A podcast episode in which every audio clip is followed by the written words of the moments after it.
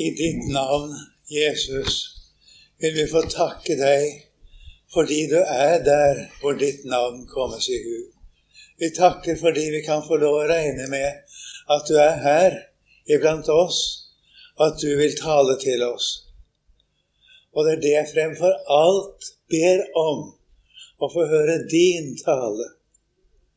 Og at du vil undervise oss og så vet du hva hver enkelt trenger til. Jeg vil be deg, Jesus, for ham som har fått det blodet på hjernen. Jeg kjenner trang til å be deg, Jesus, at du vil helbrede den mannen.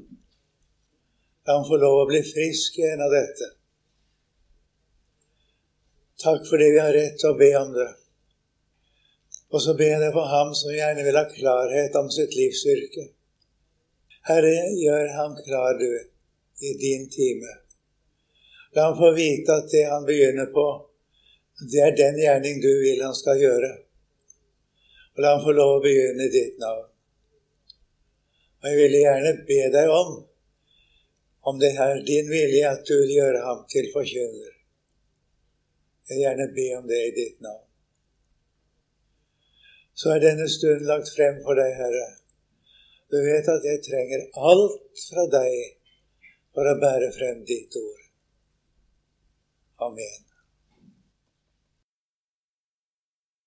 Vi skal da lese fra første Korinterbrev, det er tredje kapittel, og der skal vi begynne på det 16. verset der. Og så skal vi lese det kapittelet ut, og så skal jeg ta med én setning fra kapittel fire.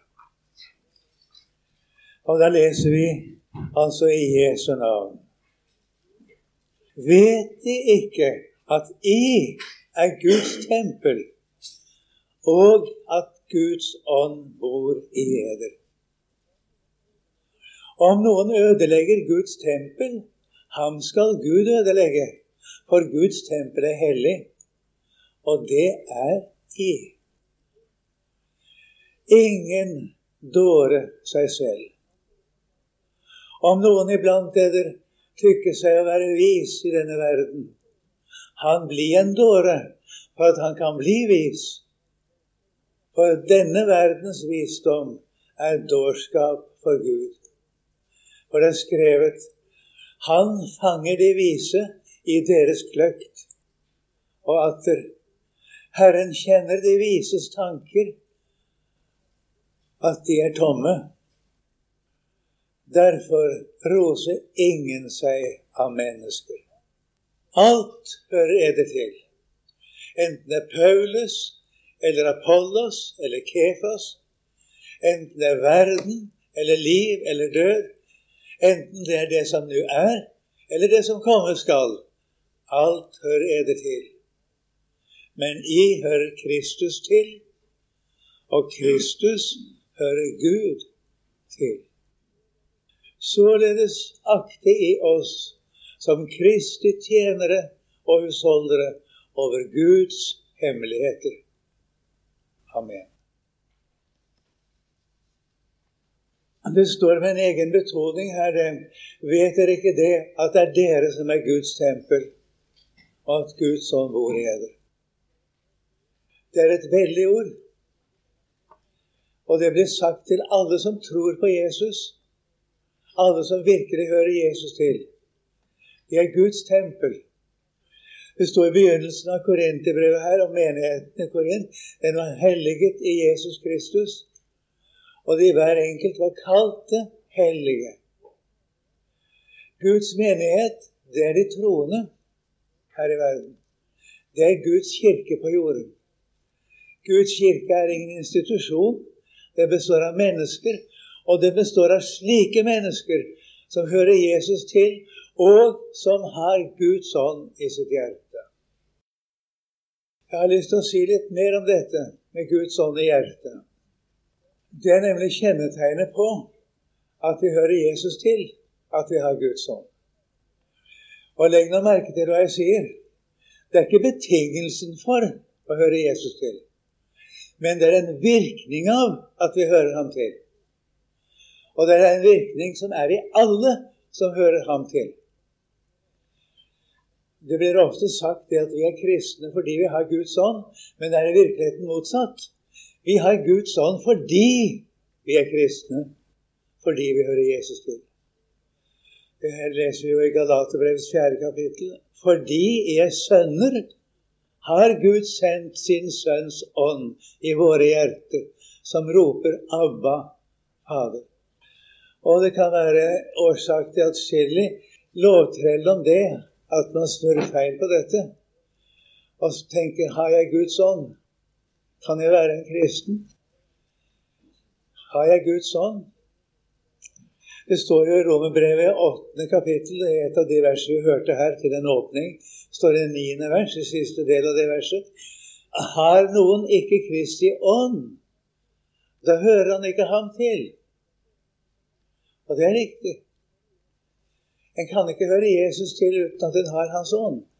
Men det er ikke det samme som at det er betingelsen for å ha at det å ha Guds ånd er betingelsen for å være en kristen. Jeg skal litt mer tilbake til det. Jeg vil gjerne si litt mer om Guds ånd. Hvem er han? Hva er han? Og hva går hans gjerning egentlig ut på? Det er tre grunnleggende spørsmål det, i forbindelse med Guds ånd. Og jeg har tatt dem særskilt opp i en av bøkene jeg har skrevet, i denne Livsens brød. Men disse spørsmålene må vi ikke tape av syne. Når vi spør hvem er Guds ånd, så er svaret ganske enkelt han er Gud. Som Faderen er Gud, og Sønnen er Gud, så er det Den hellige ånd. Det er Gud. Det er ikke noe ved siden av Gud eller en tilknytning til ham, men det er ham selv. Der hvor Den hellige ånd er, der er Gud. Der er også Guds sønn, og der er det altså Den hellige ånd. De er alltid sammen, og de virker samtidig. De er like store i verdighet, i ære og i makt. Og de er også like store i tilbedelsesverdighet. Det er helt riktig å kunne be til Den hellige ånd. Og når du ber til Den hellige ånd, ber du til Gud selv. Så det må være klart. Når vi snakker om Den hellige ånd, så snakker vi om Gud. Når en har Guds ånd i hjertet, så har en Gud selv i hjertet. Når det gjelder det andre spørsmålet hva er Den hellige ånd, så svarer Jesus på det i Johannes 14. Han sier det. Jeg vil be Faderen, han skal gi dere en annen talsmann, for at han kan være hos dere evinnelig. Sannhetens ånd, som verden ikke kan få. For den ser ham ikke og kjenner ham ikke. Men I kjenner ham, for han blir hos eder og skal være i eder. Han er altså en annen talsmann, sier Guds ord. Det er Jesus som sier det. Når det er en annen talsmann, så må det også være en første talsmann. Det kan ikke være en annen uten at det er den første. Og her blir da spørsmålet hvem er den første talsmann? Det er Jesus Kristus. Men før jeg sier mer om det, vil jeg nevne litt av ordet talsmann egentlig betyr.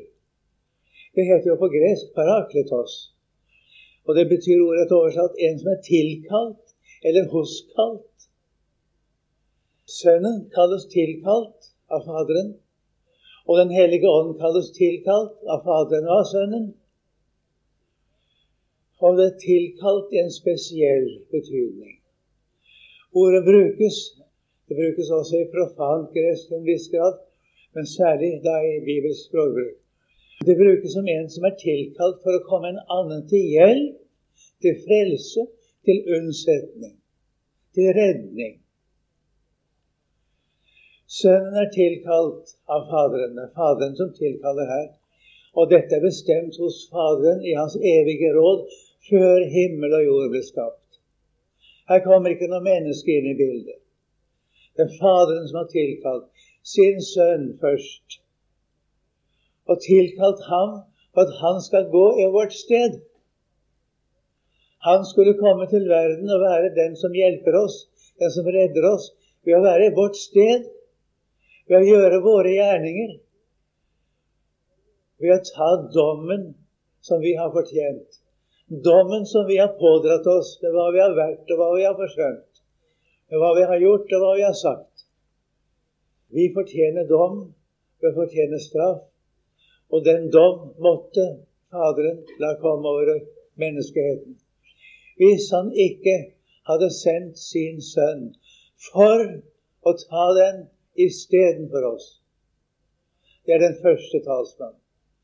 Og Det er tale om han i Johannes første brev i det andre kapitlet.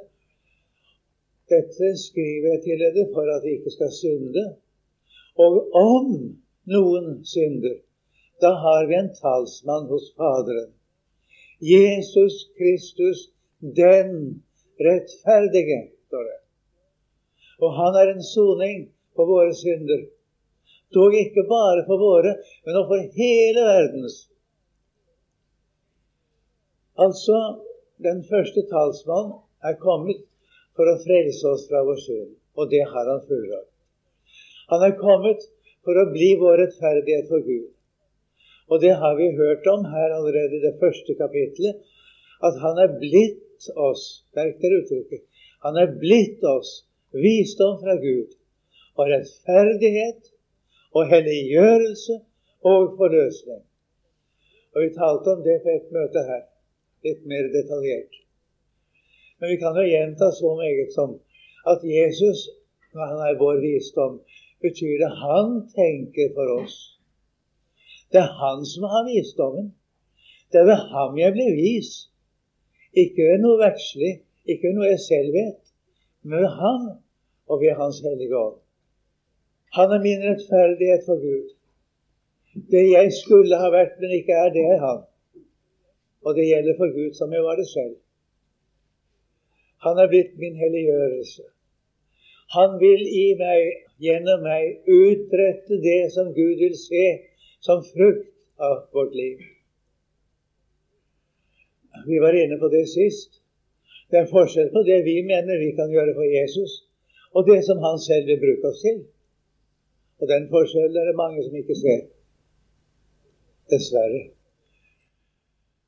så er han også vår forløsning. Det er ved ham jeg kommer frelst hjem til himmelen. Det er ved Jesus, det. Og det klarer han. Denne vår første talsmann er altså kommet til vår frelse. Men nå er saken den vi har ikke bare syndet. Vi har ikke bare mistet vår Guds frykt, vi mennesker. Den har vi mistet ved oss selv. Ut fra vårt naturlige menneske har vi ingen Guds frykt. Men det verste er det vi har mistet selve evnen til å være gudfryktige. Vi er ikke i stand til å forstå Guds ord av oss selv. Vi er ikke i stand til å ta imot det av oss selv. Jeg kan ikke tro av meg selv. Jeg kan ingenting av meg selv. Og Jeg husker første gang jeg opplevde det hvor forferdelig det var. Fordi det så ut for meg som det ikke var noen redning for meg. Det var ingen evne til Guds frykt i meg. Men det vet Gud. Han har regnet med det. Så han også sendte oss en annen talsmann. Vi har ikke bare fått en frelser, men vi har fått en som bringer denne frelser inn i hjertet vårt. Den hellige ånd har han tilkalt for å være i oss og være hos oss. Så lenge verden står, er han tilkalt av Faderen for å være hos alle som tror på Jesus. Og fra det øyeblikk et menneske har mistet så meget av troen på seg selv at han for alvor venner seg til Jesus, fra det øyeblikk er Den hellige ånd i hjertet. Jeg har strevd meget selv med dette å få Ånden. Jeg var i riktig trelldommen i en tid. Enda jeg trodde nok på Jesus også. Det var ikke det. Jeg var, hadde oppdaget det. Men jeg strevde med Den hellige ånd. Da falt det seg slik jeg var sammen med Marie Monsen på en reise. Og så ba hun meg lese et ord fra Galaterbrevets tredje kapittel. Les de versene, sa Det er to vers. Kristus kjøpte oss fri fra lovens forbannelse. Idet han ble en forbannelse for oss, for det er skrevet Forbannet er hver den som henger på et tre. For at Abrahams velsignelse, altså det som Gud lovte alle slekter ved Abraham, skulle komme over hedningene i Jesus Kristus, så vi ved troen kunne få Ånden som var oss lovt. Ja, hva sto det til slutt der, sa til meg. Og jeg leste det. Så vi ved troen kunne få Ånden. Vi får ikke Guds ånd ved å streve med oss selv. Og du får ikke Guds ånd at du prøver å være lydig. Det står det at Herren gir sin hellige ånd til alle som lyder ham. Men det betyr ikke at vi skal oppfordres til å streve med vår egen lydighet for at Guds ånd kan komme til oss. Hvis du gjør det, så kjører du deg fast. Og så står du der. Men vi får Guds ånd ved troen på Jesus. Det står i begynnelsen av Galaterbrevet, i uforstandige galater, hvem har forgjort dere?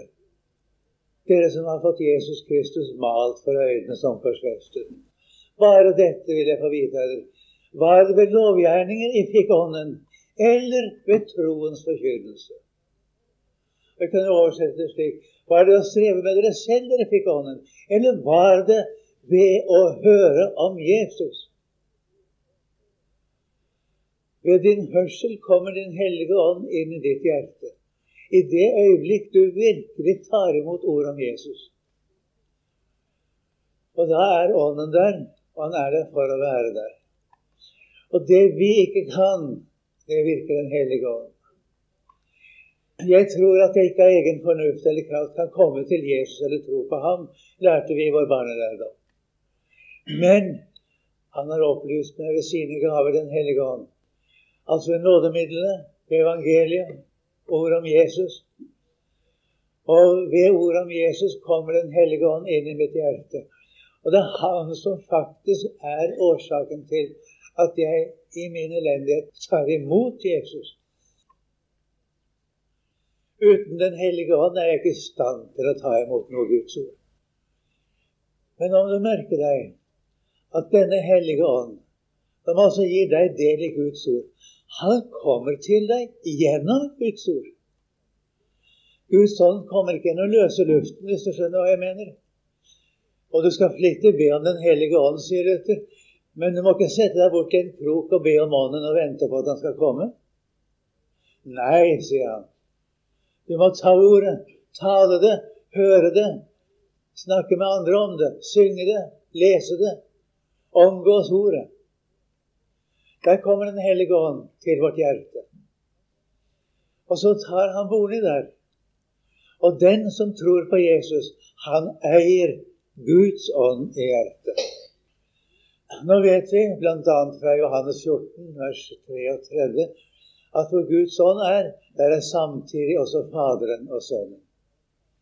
Akkurat som der hvor Faderen er, der er samtidig Sønnen og Ånden. Og der hvor Sønnen er, der er Ånden og Faderen. Og når du har Guds ånd, da har du hele Gud. Du har Gud selv i ditt hjerte. Derfor spør ordet Vet dere ikke at det er dere, altså som tror på Jesus, det er dere som er Guds tempel? Du er helliget i Kristus Jesus. Du er kalt og derfor er du hellig. Du er hellig ved et kall som Gud har gitt deg. Og kall er kommet til deg ved Den hellige ånd gjennom Guds eget ord. Da blir vi kalt. Og i dette ord skal vi få lov å leve. Det finnes ingen annen kirke på jorden enn Guds troende. Det er de som er kirken. Institusjonen kan aldri bli en kirke. Nå mener ikke jeg det er galt at vi har en norsk kirke, f.eks., eller respektive en dansk. Det er ikke minst uenig i. Det er godt å ha en institusjon som er til ordning for at Guds ord skal bli forkynt og bli hørt og bli tatt imot. Men Kirken er ikke som selv en institusjon. Den er bygget av levende stener. Det er Guds folk som er Kirken. Men som sagt, vi skal ikke ringeakte den institusjonen som vi kaller Kirken for det. Det skal vi ikke. Og Der kunne det være mye å si, men det vil ta for mye tid. Har du altså Guds ånd, så hører du ham til. Og det er sikkert. Og det er kjennetegnet på at du har virkelig tatt imot Jesus. Men nå er det ikke slik når Guds ånd er virksom i oss, at vi føler det så godt bestandig. En av Åndens viktigste oppgaver er nemlig å vise oss oss selv. Og det må Ånden gjøre hele livet.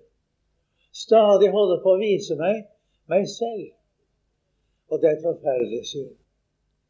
I meg, det er i mitt kjød, i mitt naturlige menneske, i det som jeg er av natur, bor intet godt. Selv ikke etter at jeg blitt en kristen. Og når det er spørsmål om hvordan jeg skal bli fri dette kjød, dette gamle mennesket, så sier Gud være takk ved Jesus Kristus, står det i Romerne 7. Hele veien er det ved Jesus Kristus jeg fri det gamle mennesket. Og jeg skal en dag bli fri det på den måten at jeg ikke mer har det i meg heller den dagen jeg får møte Jesus og se ham som han er. Det har vi også Guds klare ord for. Se hvor stor kjærlighet Faderen har vist oss at vi skal kalles Guds barn. Og det er vi. Så mange som har tatt imot Jesus, altså. Derfor kjenner verden ikke oss fordi den ikke kjenner ham. Vi er ikke noen ting i verdens øyne. Jesus ble aktet for intet. Det står i Isaias 53 om ham. Han hadde ikke en skikkelse som kunne ha lyst til ham. Og vi så ham, men vi aktet ham for intet. Og La meg nevne det i den forbindelse. Det er Esaias 53. Det er også innholdet av det vitnesbyrd som Israel skal vitne den dagen Jesus er blitt åpenbart for dem på Sion. Den dagen skal Israel begynne å vitne om Jesus. Og da skal de si Å, vi så ham, men vi forsto ham ikke. Vi kjente ham ikke. Vi aktet ham for intet. Det er det verden gjør. Kristendom aktes for intet hvis det er virkelig kristendom. Den kristendom som er populær i verden, den er mistenkelig. Den fører noe helt annet med seg. Og det å bli stor i verdens øyne, det er virkelig for alvor mistenkelig. For følger du Jesus, og hører du Jesus til, blir du aktet for ingenting. Det hører med. Men Den hellige ånd gjør sin gjerning gjennom oss. Og Nå husker dere det vi snakket om sist, og som jeg nevnte tidligere i dag. Det er forskjell på det vi vil gjøre for Jesus, og det at han får bruke oss. Det er gjennom sin ånd han får bruke oss. Og gjennom Guds ånd gjør du Guds gjerninger. Og meget mer enn du selv forstår. Du har gjort meget for Jesus som du ikke vet om. Og det er det beste du har gjort for ham. Og det følger noe med den som tror på Jesus, og som har Guds ånd i hjertet. Dette kan ikke vi forklare, men det følger noe eget med. Jesus taler om det i Matteus 5 når han snakker om våre gode gjerninger. Så det er ikke gode gjerninger, det er ikke noen bestemte gjerninger Jesus taler om. Men det er slike gjerninger som virker at menneskene får se vår Far i himmelen og får trang til å takke Gud for oss det følger noe med deg som tror på Jesus. Noe som ikke du selv iakttar, og som virker på dine medmennesker, og som tjener til å dra dem du møter, frem til Jesus. Og det meste vi virker, det er det vi virker umiddelbart ved at Gud sånn bor i oss. Meget mer enn det vi er oss bevisst. Vi er oss bevisst at vi vitner om Jesus, vi forkynner Jesus, vi skal lære Guds ord. Vi skal la andre få høre Guds ord. Det skal være oss bevisst. Men der virker Den hellige ånd meget mer enn vi aner. Og de gjerningene som da Gud virker på den måten, skal vi få lønn for på den store dagen. Vi har altså få lønn for det som vi ikke har fortjent. Vi får lønn for det som Jesus har fortjent og det som Gud har gjort i oss ved sin hellige ånd. Derfor har vi den kombinasjonen flere steder. Også i første Korinterbrev har vi det. I vår Herre Jesu navn og ved vår Herre ved Den hellige ånds kraft. For de tingene hører sammen. Det vi gjør i Jesu navn, det skjer ved Den hellige ånds kraft. Og der blir du virksom for Herren. Og det skal du regne med. Du skal tro på Jesus, og skal du regne med at Jesus bruker deg.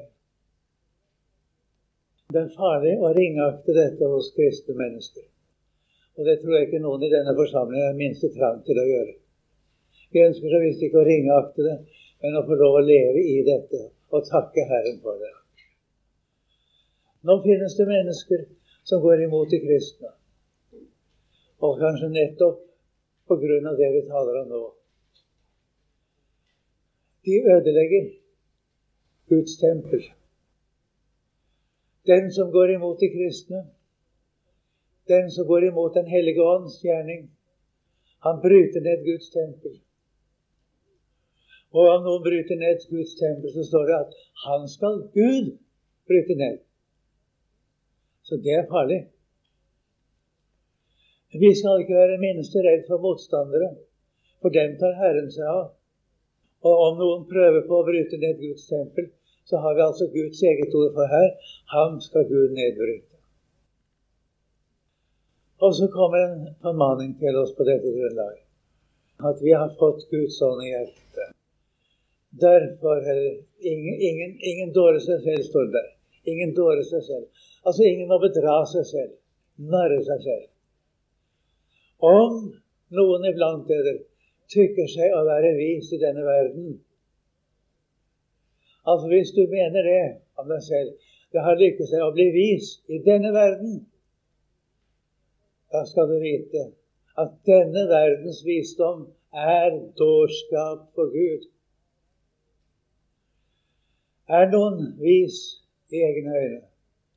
Og mener en man at man har kommet et stykke på vei, iallfall, så skal du legge merke til at da er en ikke rett, det er ikke rett fatt. Du kan se blant de virkelig lærde, blant de store lærde, de synes aldri noe om seg selv. De synes alltid at de selv kommer til kort. Så den som mener seg å være vis i denne verden, han burde bli en dåre for at han kan bli vis. For den som sier om seg selv 'Jeg er en dåre', 'Jeg skjønner jo ingenting', 'Det er jo ingenting med meg', han får visdom i hjertet. Det er advarsel i første, nei, jeg mener Osloboken i tredje kapittel mot å være vis i egne øyne. Vær ikke vis i egne øyne, står det. Og stol ikke på din forstand. Det er nettopp Guds ord til oss. Herren kjenner de vises tanker. Det står skrevet, først siteres og det Han fanger de vise i deres kløkt. Det er de, de vises kløkt som blir til fare for oss mennesker, og som fører til at vi gjør dumme ting. Og du kan jo se på til de store filosofer og se hvor meget det er verdt når det kommer til stykket. Og atter står det i Guds ord Herren kjenner de vises tanker, at de er tomme. De inneholder ingenting som kan hjelpe mennesker. Men den som innser dette, han er åpen for Guds ånd. Når du innser du kommer til kort, du kan ikke bli vis, du er en dåre i dine egne øyne, men du holder deg derfor til Jesus, og du holder deg til Herrens eget ord. Nettopp fordi det er sånn med deg, så får du visdom i hjertet. Og vi har lov å be om visdom i hjertet. Det ser vi i Salme 51. Der har vi den bønnen. Gi meg visdom i hjertet. Og vi har også den bønnen, la meg få nevne den med det samme. Gud, skap i meg et rent hjerte. Et rent hjerte betyr et hjerte som står helt på Guds side. Det er ikke et syndfritt hjerte, men det er et gjenfødt hjerte. Ordet 'skape' betyr at den hebraiske tekst å frembringe av ingenting. Og vi har fått lov til å be om at Gud skal frembringe det i vårt hjerte som det ikke fins grunnlag for. Det kan du frimodig be ham om, og det kan du få lov å regne med at han gjør. Det går frem av dette ordet. Der hvor kristne ikke har noe tro på seg selv og sine egne gjerninger, der går Guds rike godt frem. Men der slipper Herren til og så gjør han sine gjerninger. Derfor står det som en konklusjon på dette Derfor roser ingen seg av mennesker. Det er vi tilbøyelige til å gjøre. Da jeg var ung og uerfaren, og i den tid jeg holdt på å bli en kristen, så roste jeg meg av Hallesby. Det gjør jeg ikke mer enn jeg. Jeg roser meg ikke av mennesker. Mange roser seg av at de er lutherske. Og jeg kan ikke tenke meg noe mer uluthersk enn å være luthersk. Luther var knyttet til Guds ord. Han. Ikke til noe lutherdom. Og det blir som Grundtvig sa vi må, tar, vi må, takke Gud at vi ikke er grundtvigianere sånn. Eller man roser seg av Rosenius. De som vi leser om i første Korinterbrev, roste seg av Paulus. Så sa andre ja, nei, de holdt seg til Apollos. Og andre sa de holdt seg til Kephas. Og så var det noen som sa de holdt seg til Kristus. Og så spør Paulus er Kristus blitt delt. Var det Paulus som ble korsfestet for dere, eller var det til Paulus' navn dere ble døpt? Vi er døpt i Jesu navn. Det er Jesu navn som er vår redning.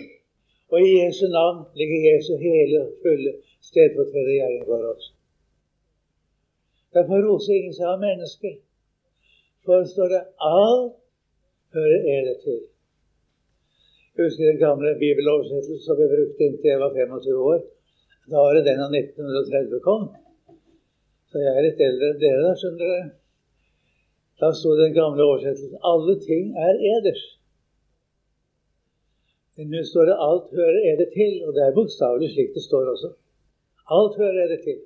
Nemlig de som tror på Jesus, da. Ikke andre mennesker taler om her.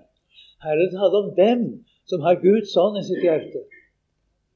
De som tror på Jesus. Alle ting hører oss til. Og enten det er Paulus eller Apollos eller Kephas Alt hva de sier, alt hva de gjør, det hører oss til. Og hele verden hører oss til. Liv og død hører oss til. Det som nå er, og det som skal komme. Den nye tingenes tilstand ved Jesu gjenkomst. Alt hører oss til. Og det er jo merkelig å tenke på at det sier Guds ord til oss skrøpelige, fattige kristne, som det er så mye galt med også. Det er så mye galt med oss samtidig som vi tror på Jesus. Alt hører oss til. Og det er fordi vi er i Jesus. Jesus er alle tings herre, sier Luther. Derfor er den som tror på ham, også alle tings herre. Alt hører deg til fordi du hører Jesus til. Og det står videre her Alt hører Kristus til. Derfor hører det oss til. Og Kristus hører Gud til sier vi altså Gud. Det er stort å være en kristen, skal jeg si dere. Det er stort å tro på Jesus. Det er stort å ta imot Guds ord. Og særlig da når en synes selv at en ikke har det minste rett til det. Og synes at det er all mulig grunn for meg til at, å si Guds ord er visst ikke for meg. Jo, kjære deg, det er nettopp for deg og nettopp når du synes at du ikke fortjener det. Og så kommer apostelen da tilbake igjen. Det snakker jeg noe mer om i kapittel 4. Men jeg leste den første setningen der, og den går ut på hvordan disse korintermenighetene skulle anse Paulus og hans medarbeidere. Således, står det, akte i oss som Kristi tjenere og formyndere over Guds hemmeligheter. Det vi taler om, det er Guds hemmeligheter. Det at Gud har gitt oss sin egen sønn. Det at han har gitt oss en annen talsmann. Det at Gud har gitt oss alle ting, at alle ting hører oss til. Og vi hører Kristus til, og Kristus hører Gud til. Det er Guds hemmeligheter. Og alt det som Han har gitt oss, det er vi som kristne i arbeidet for Guds rike. Det er vi formyndere over. Vi har ikke noe å komme med uten Guds hemmeligheter. Og der hvor de forkynnes, og der hvor de blir hørt og tatt imot og trodd på, så der skjer Guds verk. Vi takker deg, Jesus, at du har gjort det slik at vi har dette. At vi får eie dette og få høre deg til. At du, Herre, har gjort det så du vil bruke oss, Herre, i denne verden. At vi skal være dine forvaltere og Jesu Kristi tjenere. Ja, Herre, det ber jeg om å få være. Din tjener, din forvalter av Guds hemmeligheter. Så takker vi deg for ordet i dag. Så ber vi for den misjonen som vi tilhører.